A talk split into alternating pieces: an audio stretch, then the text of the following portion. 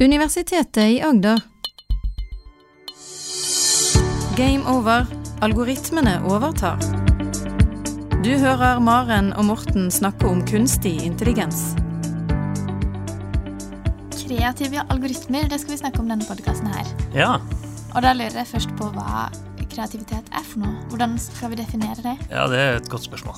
For algoritmene trenger jo en definisjon hvis de skal prøve å løse noe. Mm. Så det er jo slik vi har snakket om at, før, at disse algoritmene på en eller annen måte alltid går over i noe matematikk som må defineres helt konkret. da. Også kreativitet er det på den måten.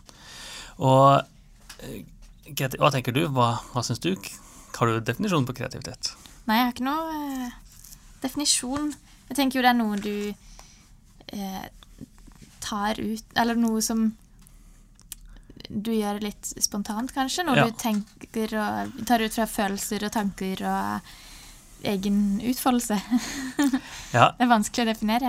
Jeg tror kreativitet er en av de tingene som er veldig vanskelig å definere. Mm. Eh, så jeg mener, og jeg er ikke alene om det, men at kreativitet er en, form, er en konsekvens av intelligens, en funksjon av intelligensen vår. Okay. Eh, det betyr ikke at det er de som er IQ-intelligente, hvis man kan kalle det, nødvendigvis er kreative, eller de som er kreative nødvendigvis er IQ-intelligente. Men det er en, en annen form for å være intelligent. Kunne liksom finne på nye ting og tenke. Så Ibsen Tenke nytt. Vi hadde jo ikke kommet så langt hvis vi ikke hadde vært kreative. Ja. Ibsen er veldig kreativ, på en måte. Typisk, eller var, da. Eller de som Leonardo da Vinci, som malte Mona Lisa, var veldig kreativ. Og de hadde sikkert høy IQ også, men det er liksom noe annet, da. Men så kan man jo være kreativ på forskjellige felt. Man kan være kreativ innen programmering, eller man kan være kreativ innen bildekunst eller musikk, eller uh, bare design. Eh, alt fra om det er design på papir, eller om det er design i en bolig. Det er jo så mange måter å være kreativ på. Eh, ja, ja. Så det man tenker litt utafor boksen, egentlig. kanskje litt utenfor boksen. Ja. Eh, og det er jo eh, Kreativitet er ofte Jeg tror eh, det er i mange tilfeller overvurdert som i tilf noen tilfeller nesten som en guddommelig kraft å være liksom kreativ. da. Og vi vet jo at eh, mennesker har vært kreative i hvert fall 40 000 år. Ja. Og eh, en av de kjente eksemplene på det er en, eh, en ung gutt på, under andre verdenskrig i Frankrike som falt ned i en hule. Ja.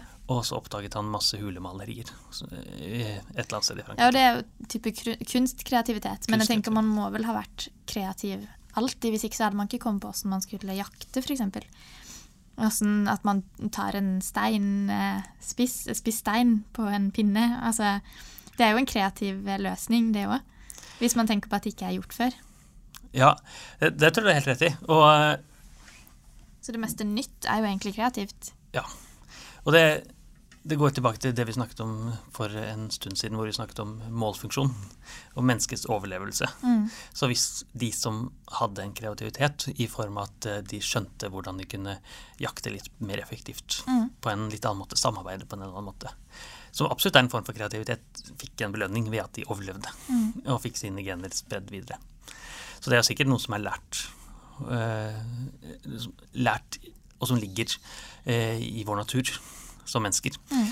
Og vi er nok garantert mer kreative enn andre dyr, hvis man kan si at de er kreative på en måte. Så det er jo det vi som finner på de tradisjonelle kreative tingene som kunst osv., men også nye samfunnsformer, nye eh, politiske tanker. Yeah. Alt dette er jo kreative ting da, som er veldig vanskelig. Og det er veldig vanskelig for en algoritme Ja, å få det til på. For den skal jo programmeres. Den skal programmeres, ja. Ja. Og den skal måles. Ja. Så hvis du kunne sagt at eh, til en algoritme nå er du kreativ, eh, ja, nå er du ikke kreativ, nei, så kan man få en kreativ algoritme veldig enkelt. Ja. Men det er det som gjør det litt vanskelig. Er det Hva er det som er så lett, ja. For du kan ikke formelt definere det. Og jeg tror eh, Michelangelo, tror jeg det var, en av de kjente kunstnerne, som sa at eh, da han hugget eh, steinen David Du har sikkert sett- en veldig kjent. Og han sa noe sånt som at eh, han så eh, David-statuen, og så hugget han bare vekk det som ikke var David. Ja. Og, og det er jo en veldig sånn ullen form for kreativitet. Så jeg tror ikke han selv skjønte hva kreativitet egentlig var. Han hadde jo en intelligens, en kreativ intelligens. Ja. Så jeg ville ikke klart det. Uh, Nei, vi ville kanskje ikke sett den samme det samme ut ifra den steinen. Det er bare en blokkstein, på en måte, måte, ja. man kan hugge ut hva som helst. Ja. Hvis du er veldig flink, så kan du få David. Ja. Ut men du kan få eh, ja, en Delt den i to. delt den i to, som, eller som helst.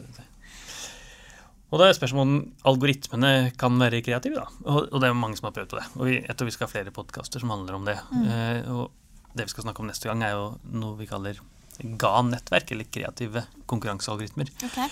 Men nå, eh, før det så var det en som het Alexander, Alexander Mordvintsjev. Jeg er litt usikker på om jeg uttaler navnet riktig. men jeg vet ikke, Det høres litt russisk ut, kanskje. Ja, Ja. det du vet. En Google-ingeniør. Ja.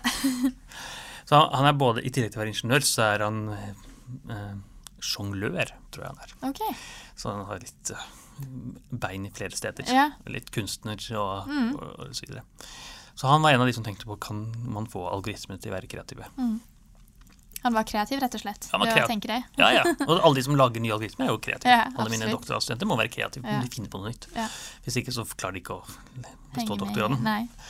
Eh, Så han var kreativ og en, han ville funnet på en ny kreativ algoritme. Mm. Og vi har jo snakket litt om disse visuelle algoritmene før, Mm. og det var det han jobbet med. De som Man dyttet inn en hund, og så kategoriserte man det som hunden Mm. etterpå. Og det han gjorde, det var istedenfor å ta inn en hund og få ut hund eller katt, så tok han inn en hund, og så ville han ha samme hunden ut på eh, baksiden av eh, Ok. algoritmen. Okay. Og så gjorde han noe mer. Han sa at eh, det du forventer, det algoritmen forventer skal være en hund, det gjør du enda mer. Så det som er som hundete, prøver du å gjøre enda mer hundete. På en måte. Så du gjør en hund enda mer hund? Ja, du gjør en hund enda mer hund. Ja. Så er det et bilde av en hund, og, så vil jeg at eh, du, algoritme, som har lært hva en hund er, for det har den jo lært å skjønne hva som er forskjell på hund og katt, så prøver du å eh, dytte på ekstra akkurat hva er de hundete egenskapene i bildet. Mm. Så en måte å se det på er at du snur algoritmen opp ned, istedenfor at du får liksom hund inn og dette eh, og nevronet hund eller katt ut. Mm. Så får man da inn eh, bare informasjon om hund, og så prøver man å få bildet hund ut. da. Ja. Og så, men i den Ja, prosessen så man får ikke et bilde inn, man får informasjon inn. ja, man, eh, Men ikke i form av et bilde? ja, Eller jo? Jo, han et, så ja, det han han gjorde var inn. han fikk et bilde inn og Ja. et bilde ut. Eh, vanligvis får man bilde inn og så bare eh, verdien hund eller Ja, katt ut. men nå fikk han bilde ut, ut da. Ja. Og så i tillegg så prøvde han da å endre på disse nevronene og synapsene, sånn at bildet, eh, algoritmen tegnet litt mer. Tegnet litt mer hundete. da. Ja. Hva som er de hundete egenskapene. Mm. Og så gjorde han det igjen og igjen og igjen. Så ble, først ble det litt mer hundete, og så ble det litt mer hundete. Og litt mer hundete. Og da er jo spørsmålet hva er en, en hund som er enda mer hund enn en hund? på en Ja. måte. Og det, hva vil du si? Er det en hund som er enda mer hund enn en hund? Nei, det, det er ikke godt å definere. Ja, det er noe sånn vagt. Så Det- begynner å ligne på Får kanskje flere av hunden sine kjennetegn, som Ja. ører og det er, ak det er akkurat det som skjedde. Ja. Så en hund som er enda mer hundete, får mer av hundens kjennetegn. Ja. Litt mer snut og ører og øyne og, og så videre. Og i vårt, våre øyne blir det jo ikke mer hund av flere. For flere har jo ikke, hunder har ikke flere ører, f.eks. Ikke jo den er litt hund, og den er veldig hund, og den er mest hund. ja, En poeng. hund er en hund. Ja, du er i hvert fall ikke mer hund hvis du har fire øyne. Nei, Det det men ifølge algoritmen er du det. Ifølge algoritmen er det det, for det er sånn algoritmen ser hund. Ja.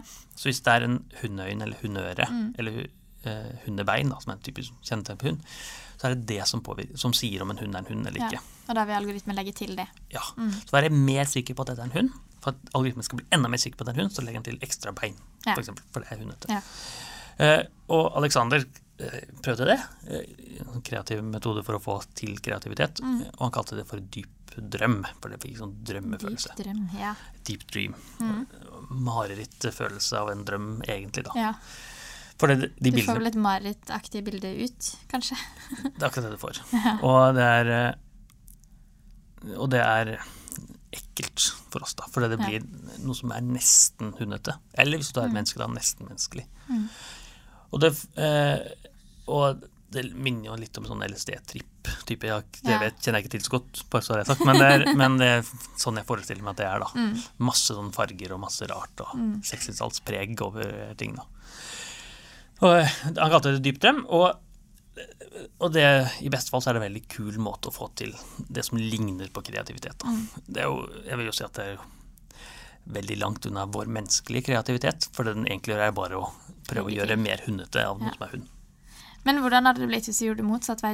Vi tok inn dette kreative bildet som nå har kommet ut av den algoritmen, som er full av ekstra øyne og Mm. bein og haler, og så sender vi den inn i algoritmen og spør hva er dette?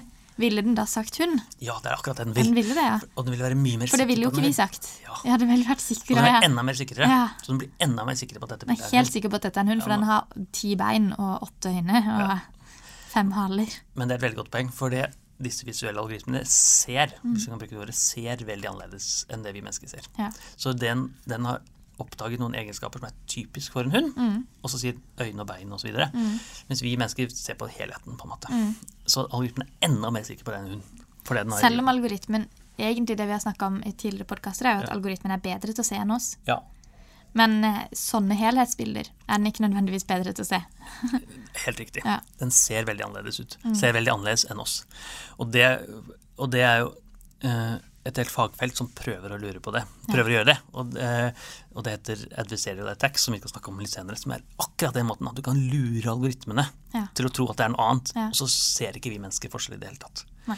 Og, det, og ved å forstå hvordan de algoritmene fungerer, så kan man gjøre det. Mm. Og det er, litt, det er litt som å sammenligne eh, mennesker med algoritmer, som, vi ofte, som jeg gjør mye med, og vi kan ofte gjøre, men, men det er noe helt annet. Mm. Så derfor bør man ikke bli overrasket når de blir helt uh, rare. For det, det er, den har jo ikke noe f- generell forståelse av hva hund er. Nei. Den skjønner hva egenskapen er i en hund. Den har bare lært egenskapene til den. Ja. Men det, det var et, film, et, et band som heter Foster the People. Jeg vet ikke, Kjenner du til det, eller? Nei. De tok, de, den Dyp drøm-algoritmen ble veldig kjent når de tok den på sin musikkvideo Mm. og gjorde menneskene mer menneskelig. Og, og da blir det akkurat som Og da ble det i hvert fall et sånn Det ble i hvert fall en kreativ musikkvideo. Ja, de de var kreative, for det var den første som gjorde det. Ja. Og Alexander ble kjent fordi han hadde plutselig laget en algoritme som eh, gjorde Gjorde noe som vi ikke trodde algoritmer kunne gjøre. da. Ja. For det er jo helt jeg har sagt at algoritmer kan ikke være kreative. Nei. Eh, eh, Men så er jo spørsmålet om den var kreativ, da. Den la til elementer som den fortsatt Ja. bare trodde var hun. ja, og det er i hvert fall i beste fall så er det veldig enkel form for kreativitet. Ja. Hvis det kan være det. Ja.